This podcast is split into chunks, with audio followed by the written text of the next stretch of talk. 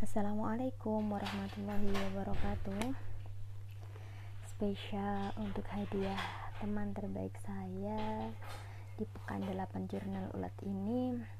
Saya menemukan seorang teman Masya Allah seorang sahabat baru Badi saya yang melamar Yaitu adalah Mbak Lili Masya Allah. Hadiah untuk Mbak Lili Semoga bermanfaat sedikit sharing saya tentang persiapan menyambut bulan Ramadan.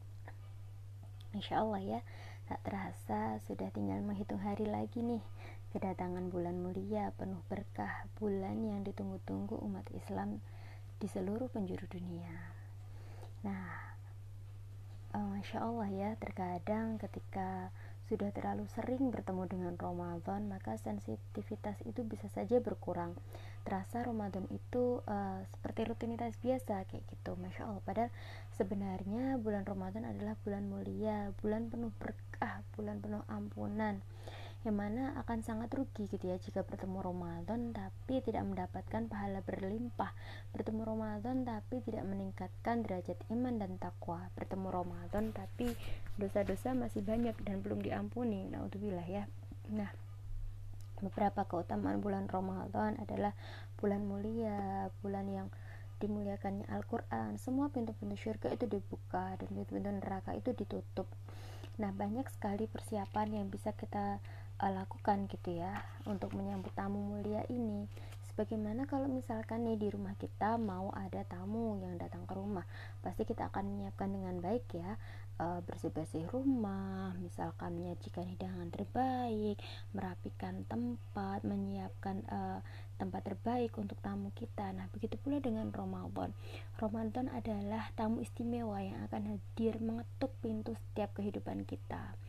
Kehadirannya pasti. Dan kita sudah siap belum nih kayak gitu ya? Apakah hanya sekedar uh, merapikan rumah kayak gitu ya untuk merap, uh, menyambut bulan Ramadan? Nah ada beberapa tips yang bisa dilakukan. Yang pertama adalah menyiapkan hati kita.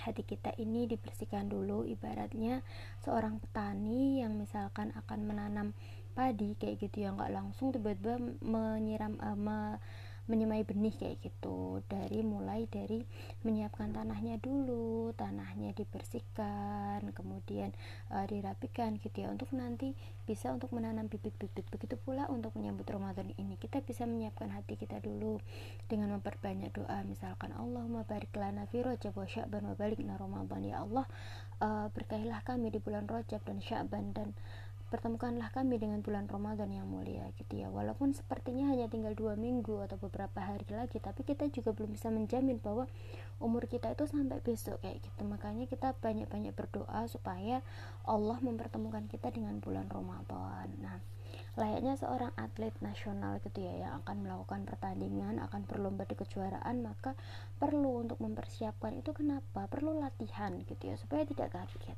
Rasulullah Shallallahu Alaihi Wasallam ketika bulan Syaban beliau memperbanyak ibadah terutama memperbanyak puasa-puasa sunnah.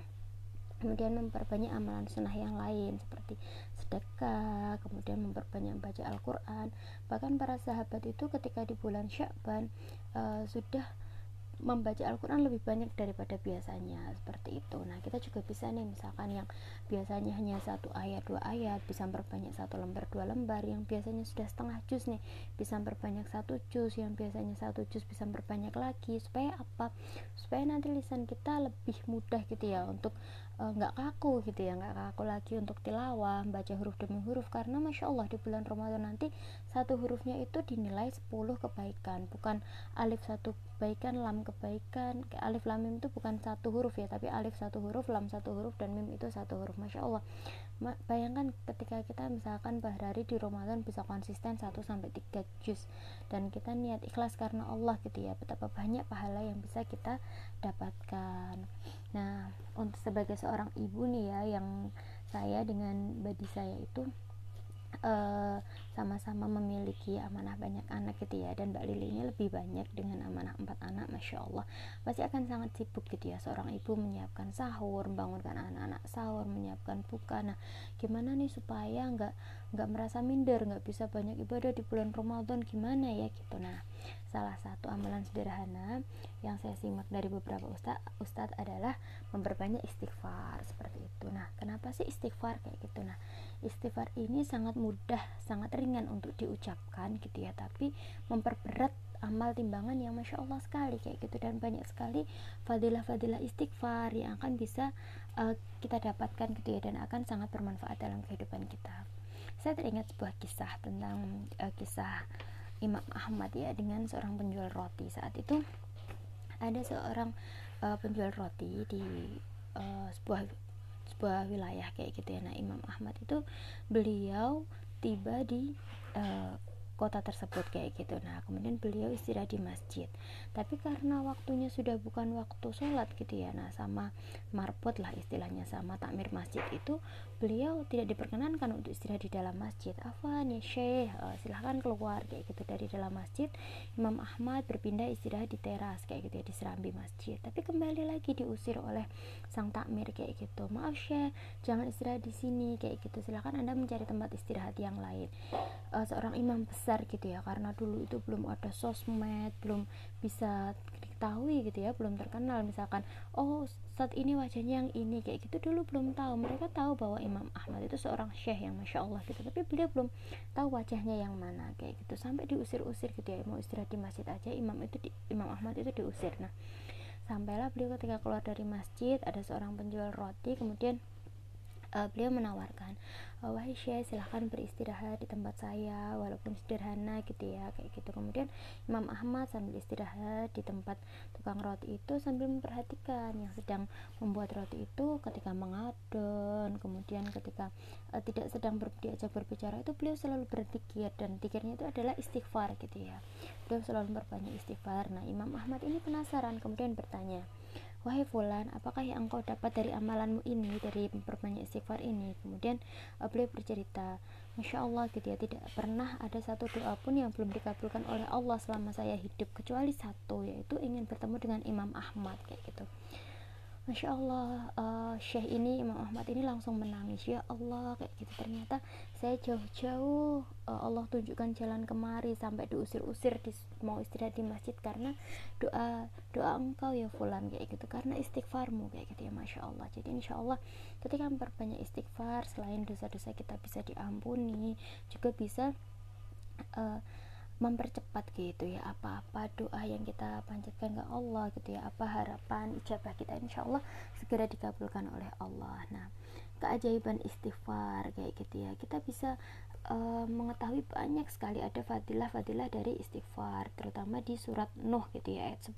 sampai 12 kayak gitu. Nabi Nuh dulu uh, berdakwah selama 950 tahun ya baik sembunyi-sembunyi ataupun terang-terangan. Beliau memperbanyak istighfar kepada Allah ya yang memiliki sifat ghafar kepada hambanya. Nah beberapa fadilah istighfar yaitu yang pertama sifat ghafar kepada hambanya. Kemudian yang kedua Allah akan menurunkan keberkahan seperti hujan lebat yang berkah. Yang ketiga bisa melimpah ruahkan harta benda kita. Yang keempat yaitu memperbanyak keturunan. Atau bisa juga untuk yang sedang menanti hadirnya momongan gitu ya memperbanyak istighfar ini insya Allah bisa memudahkan hajat untuk mendapatkan keturunan. Yang kelima mendapatkan kenyamanan dan kemapanan hidup. Dan yang keenam adalah kenikmatan hidup. Selain itu masih banyak lagi ya uh, apa namanya fadilah dari istighfar itu misalkan mendatangkan rezeki sebab masuk surga ya apalagi ketika membaca sayyidul istighfar tuannya istighfar masya Allah. Bisa mendatangkan pahala yang besar sebab dihapuskannya dosa kita mencegah hukuman dari Allah sebab diangkatnya derajat di hadapan Allah. Ada sebuah kisah tentang seorang uh, orang tua gitu ya yang ketika di surga itu nanti akan ditinggikan derajatnya. Kemudian dia bertanya ya Allah saya ini di dunia masih banyak dosa dan tidak banyak amalan tapi kenapa saya bisa mendapatkan surga yang tinggi? Gitu ya. Allah menjawab itu adalah karena istighfar anakmu kayak gitu. Masya Allah. Jadi kita sebagai anak misalkan orang tua kita sudah nggak ada kayak gitu kita juga bisa memperbanyak istighfar untuk orang tua atau kakek nenek kita. Atau ketika kita mengajarkan kepada anak-anak mengajarkan istighfar insya Allah ketika kita sudah nggak ada gitu ya karena kita nggak tahu usia kita akan sampai kapan Insya Allah salah satu amal jariah kita yang bisa meninggikan derajat kita di hadapan Allah adalah istighfar anak-anak kita. Nah, kemudian uh, sebab disucikannya hati karena dosa itu bagikan titik hitam ya, maka taubatnya adalah dengan istighfar seperti itu. Bisa juga untuk uh, apa namanya? syifa ya, syifa sebagai kesehatan untuk uh, ikhtiar kesehatan. Karena dosa-dosa itu ibaratnya penyakit kayak gitu. Dan istighfar adalah sebagai syifa atau obat dari segala penyakit. Masya Allah. Semoga dengan memperbanyak istighfar ini ya apalagi nanti ketika di waktu sahur uh, ada di surat Al-Quran itu wahum fi, uh, fil asharihum yastaghfirun. Memperbanyak istighfar di waktu-waktu sahar kayak gitu ya menjelang uh, sahur itu apalagi nanti kita ketika menjadi seorang ibu waktu sahur itu akan disibukkan dengan urusan dapur kayak gitu ya. Nah amalan istighfar ini adalah amalan yang ringan mudah tapi insya Allah berpahala kayak gitu ya. Berpahala sangat besar. Kemudian tadi ya banyak fadilah-fadilahnya itu melancarkan rezeki diampuni dosa meninggikan derajat. Apalagi ketika bulan Ramadan uh, semua pahala kebaikan akan dilipat gandakan oleh Allah kayak gitu. Makanya ketika kita nanti tidak bisa um, kita merasa sibuk gitu ya dengan urusan domestik urusan anak-anak apalagi ketika nanti anaknya balita mengalihkan perhatian mereka rewel ketika ingin berbuka kayak gitu. Kita bisa dengan memperbanyak istighfar ini kayak gitu ya. Semoga uh, yang ringan yang kita istiqomahkan sedikit demi sedikit akan menjadi timbangan amal kebaikan kita semakin berat dan menjadikan kita menjadi hamba Allah yang diridhoi sebagai ahli jannah. Semangat untuk mempersiapkan Ramadan sebaik-baiknya. Semoga mendapatkan keberkahan di bulan Ramadan dan uh, meninggikan derajat takwa kita ya sebagaimana tujuan dari uh, berpuasa itu adalah la'allakum tatakun jadi uh, hamba Allah yang bertakwa. Semoga Allah senantiasa mengizinkan kita istiqomah memeluk uh, agama Allah gitu ya memiliki iman di hati kita hingga akhir hayat kita husnul khatimah. Sekian dari saya semoga bermanfaat. Mohon maaf atas segala kekurangan dan kehilafan. Astagfirullahaladzim astagfirullahaladzim astagfirullahaladzim wa atubu ilaik. Bisa juga di uh, dikir yang di dalam Al-Quran Rabbi ghafir warham wa anta khairur rahimin atau juga bisa berbanyak sayyidul istighfar Allahumma anta rabbi la ilaha illa anta khalaqtani wa ana abduka wa ana ala atika wa ala atika wa atika wa mastata'tu a'udzuka min syarri ma abu ulaka bi ni'matika alayya wa abu ubidan bi li fa innahu la la illa anta wa atubu ilaik. Wassalamualaikum warahmatullahi wabarakatuh